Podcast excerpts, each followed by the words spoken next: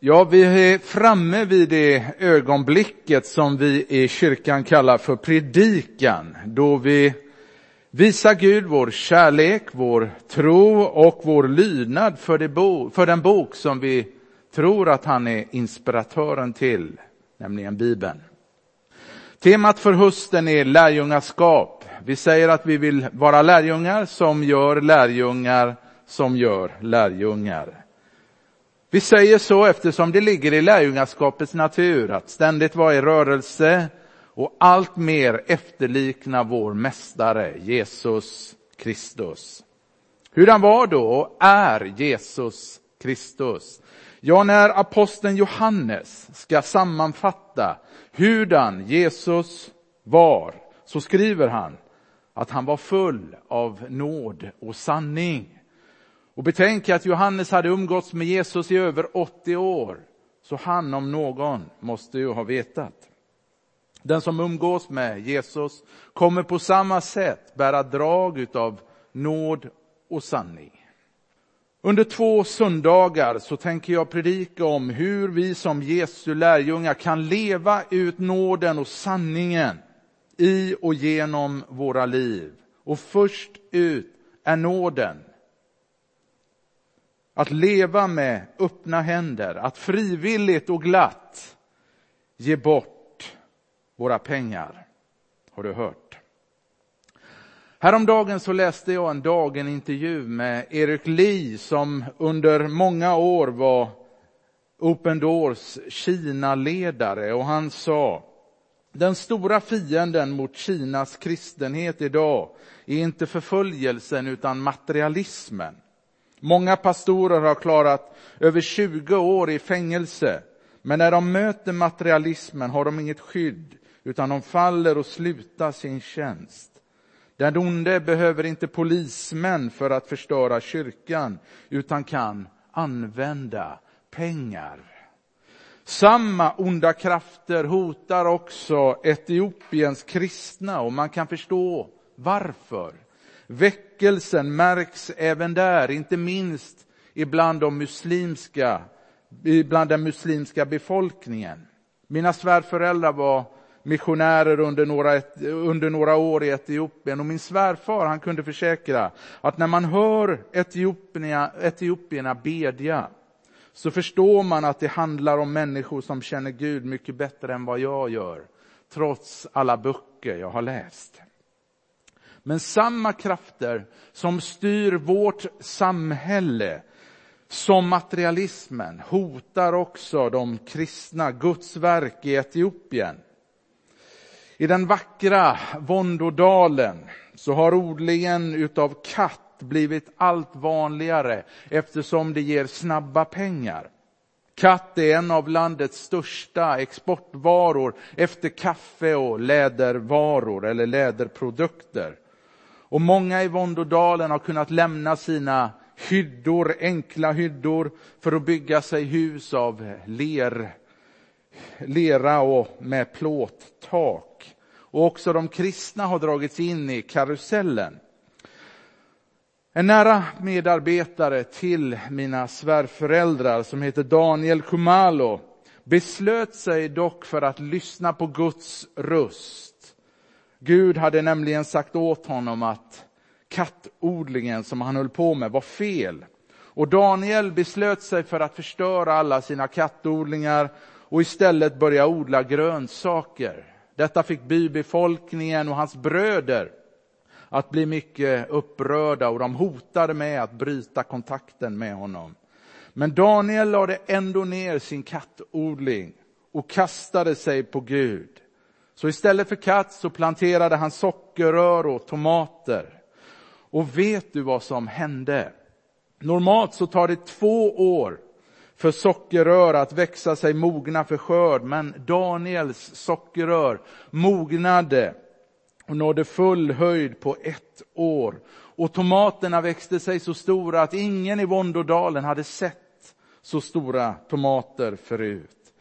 Guds välsignelse kom över honom och människor började på nytt att respektera honom, så även hans bröder. Och Daniel fortsatte att leva med öppna händer.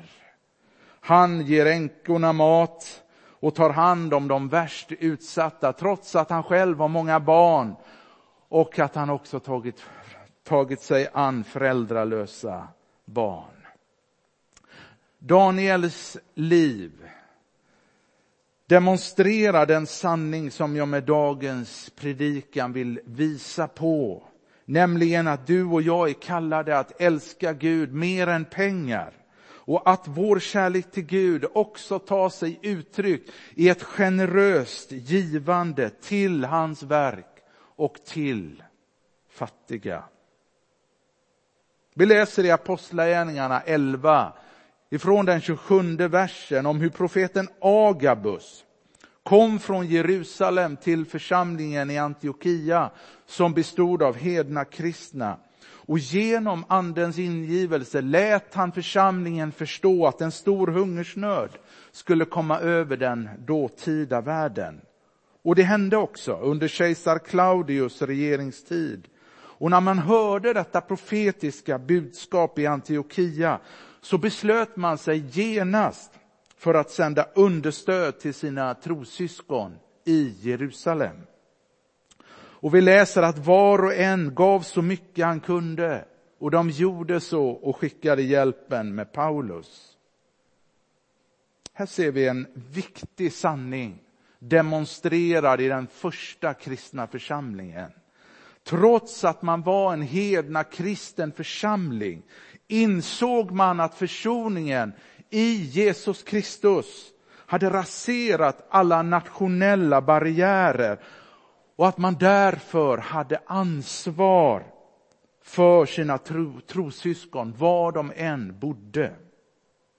Man insåg sitt ömsesidiga beroende i Kristi kropp. Man insåg sanningen i att den som tillhör Kristus tillhör också alla andra som tillhör Kristus. Och när Paulus senare kommer till Korint så lägger han också fram denna svåra livssituation som församlingarna i Jerusalem och Judeen befann sig i. Och även i Korint så beslöt man sig för att samla in medel för att hjälpa dem. Men av någon anledning så kom insamlingen liksom av sig. Man gav inte det man hade lovat.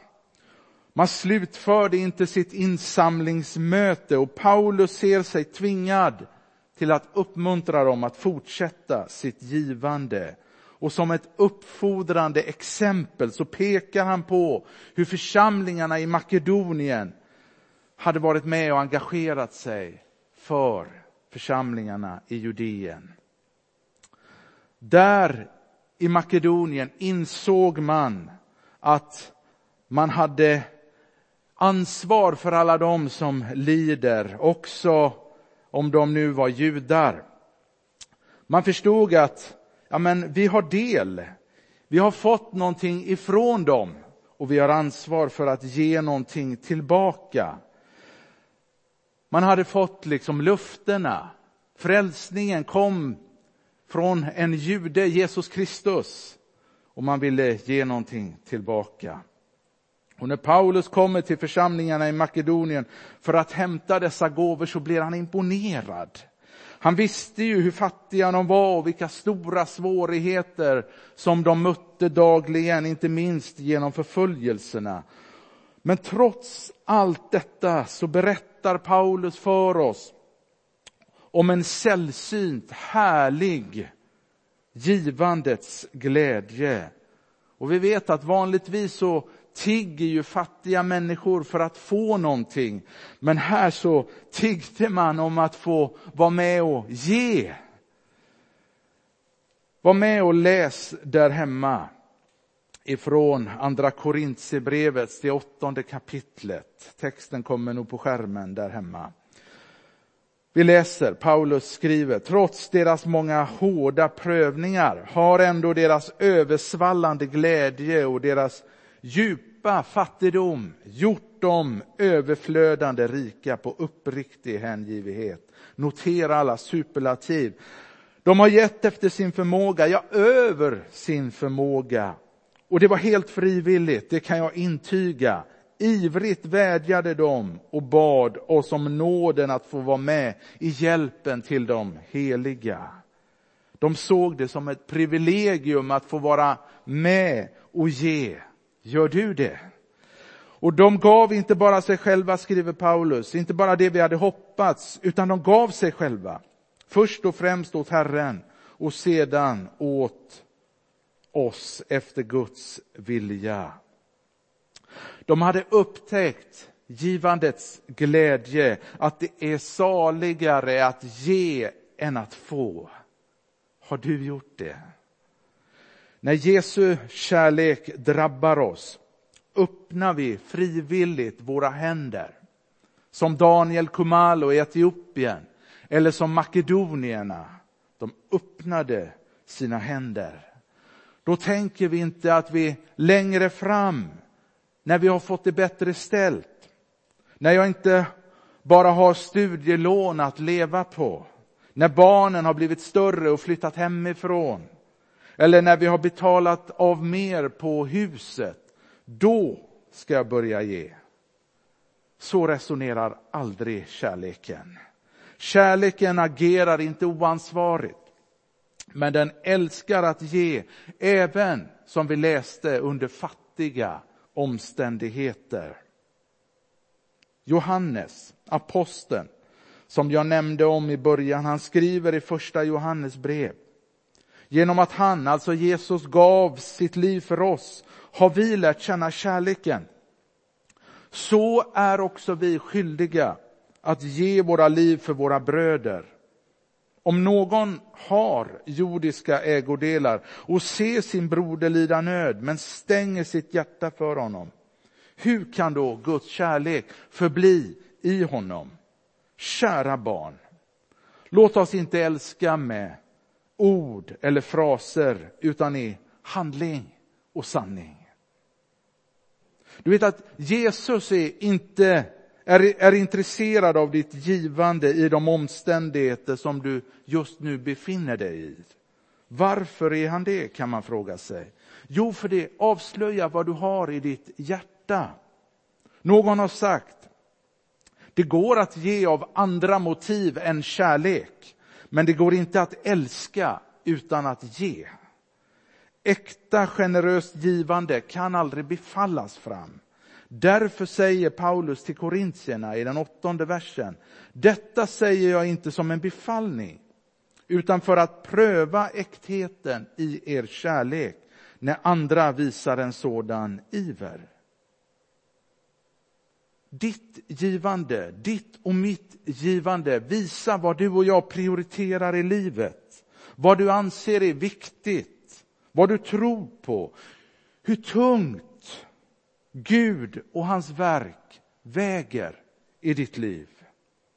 Det man investerar pengar i, det anser man är viktigt och det bryr man sig om. Under en tid när jag var ung så la jag hela mitt studiebidrag på kläder. Sällan tänkte jag på att pengarna skulle behöva användas till andra saker, räcka till annat som till exempel ett Lisebergs inträde som kompisarna var snälla nog att skramla ihop pengar till när mina var slut. Om församlingen är viktig för dig så känner du en glädje i att ge till församlingen. Och om du ger till församlingen så blir du också mer intresserad av församlingens utveckling. Du är med och ber för den. Du känner ansvar för den. Det blir helt enkelt som Jesus sa, där din skatt är, där kommer också ditt hjärta att vara. Jag hörde också om, om en man som var på ett skepp som höll på att förlisa.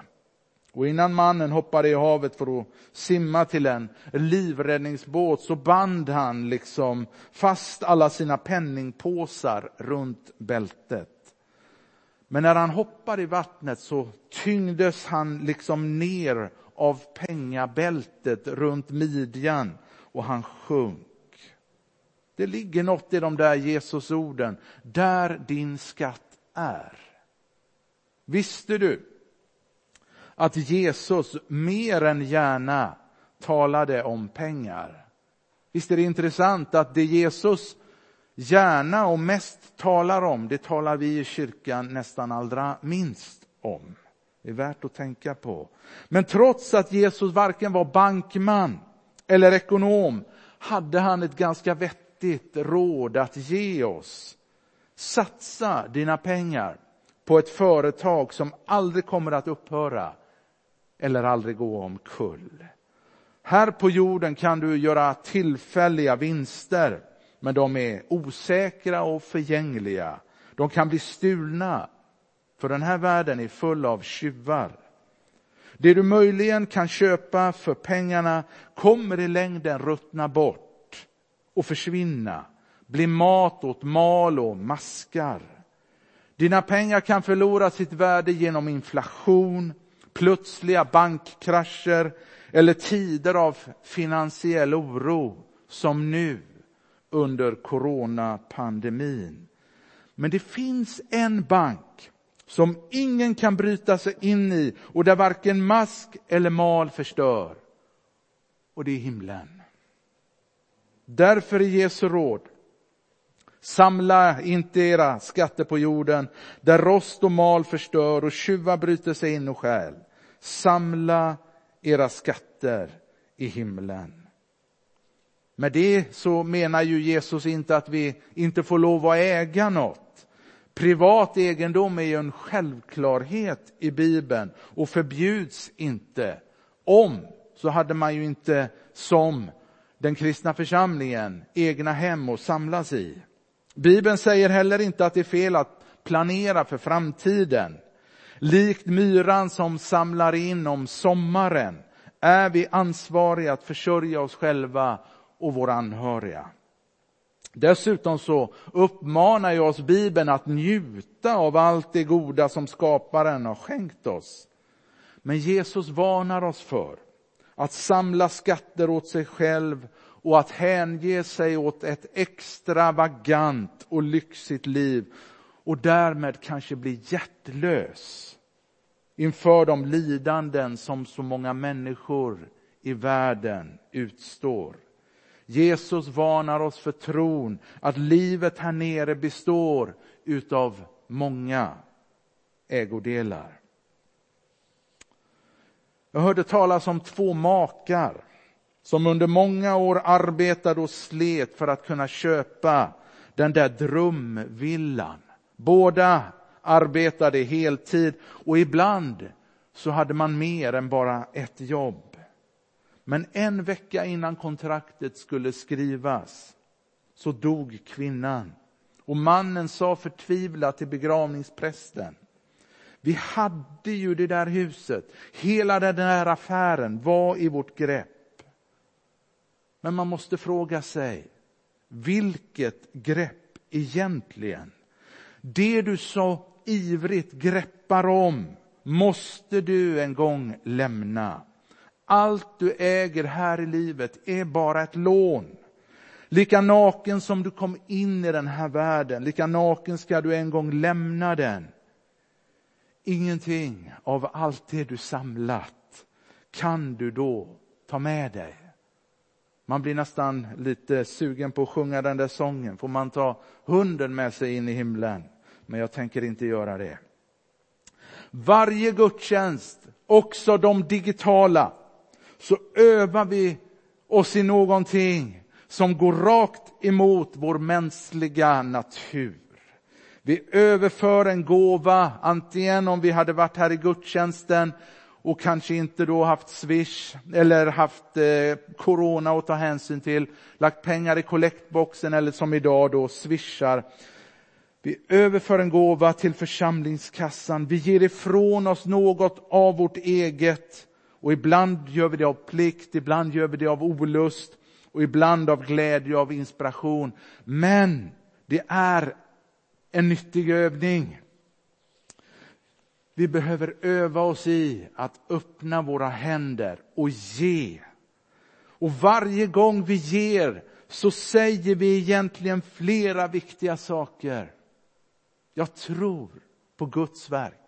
Jag vill att fler ska få upptäcka den stora nåd som jag har fått lära känna genom Jesus Kristus. Jag vill att fler ska få höra talas om honom.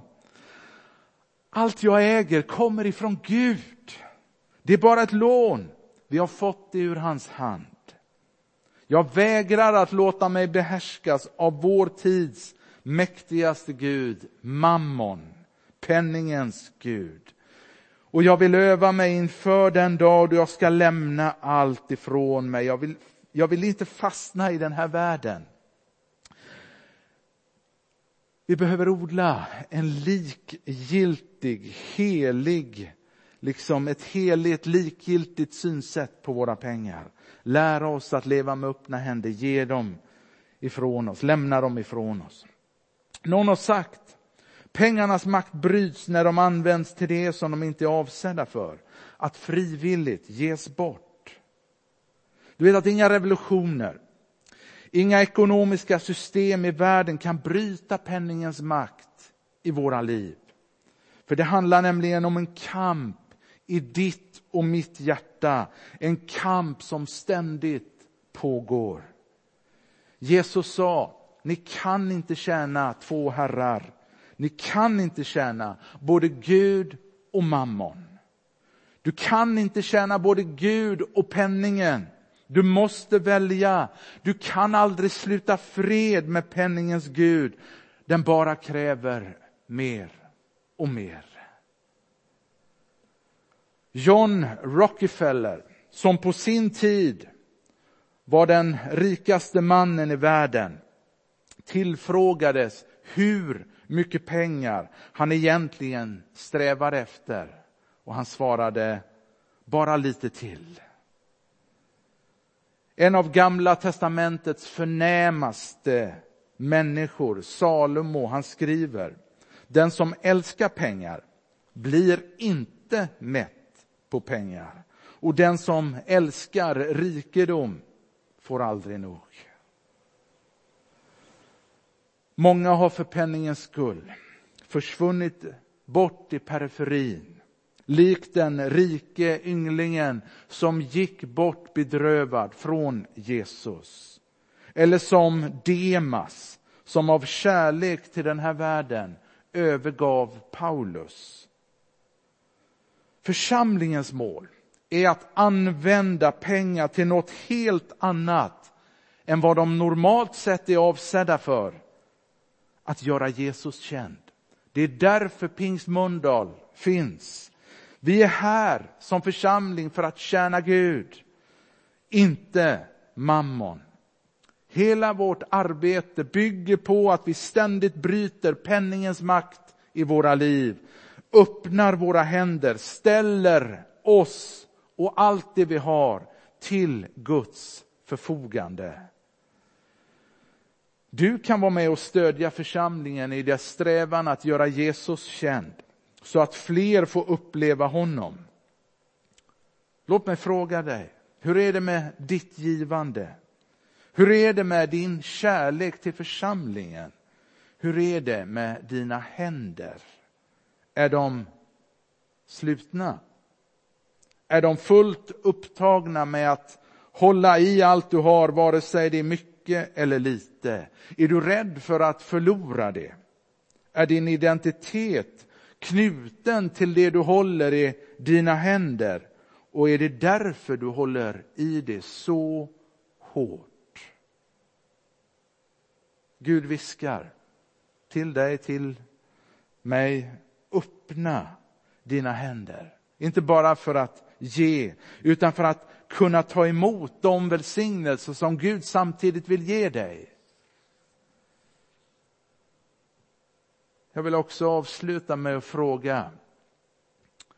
Idag kan du som tittar, du vet att jag ser ju bara de som sitter i det här rummet, men jag ser ju inte vem du är. Idag kan du som tittar få ge det finaste du kan ge Gud, nämligen dig själv. Du som vill kan få ta emot och uppleva kärlekens gåva på riktigt i ditt liv. Vill du det? En större och mer tillfredsställande skatt än Jesus Kristus, det kan du aldrig äga. Och jag tror att när du upplever den, då kommer det heller inte finnas någon gräns för hur mycket du vill ge tillbaka.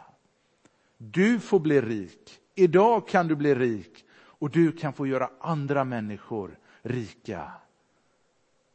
Gud välsigne dig. Låt oss be. Helige Gud, vi tackar dig för din godhet och nåd som alltid ska följa oss. Herre, det är ju det du garanterar oss. Att när vi investerar oss själva i dig, när vi ger oss själva till dig, Herre, ja då får vi så mycket mer tillbaka. Och Herre, när kärleken träffar våra hjärtan, ja Herre, då vill vi inte hålla någonting tillbaka. Herre, vi vill berätta om dig för hela staden, för hela världen. Men vi vill också, Gud, vara med och ge praktiskt denna nåd i form av pengar till församlingen, till Guds verk, Herre. Vi vill öppna våra händer, vi vill inte vara slutna här, utan vi vill, vi vill, vi vill, Herre. Och inte lite grann. Herre, med det mått som vi mäter upp med ska vi själva bli välsignade. Nej, Herre, när vi ger rikligt, ja men då är du löftenas Gud som rikligt ger tillbaka. Herre, jag ber detta in i oss idag, Gud. Att vi ska sluta upp med den snålhet, Herre, som så ofta, Herre, förslavar oss, Herre. Vi är rädda, vi klamrar så hårt fast vid det som faktiskt en gång helt ska ryckas ifrån oss. Så jag ber gode Gud, hjälp oss att kunna leva rika liv här nere, Herre. Inte i första hand ett rikt liv som består av materiella tillgångar, Herre, utan ett liv som är rikt på goda gärningar. Herre, tack gode Gud.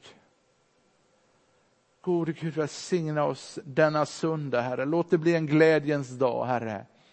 En glädjens dag. Gode Gud, vi ber. Vi ber så i Jesu namn. Välsigna fortsättningen av vårt möte. Oavsett om vi är där hemma eller om vi är här i kyrkan. Herre, vi som är medverkande. Tack för att du hör vår bön. Amen.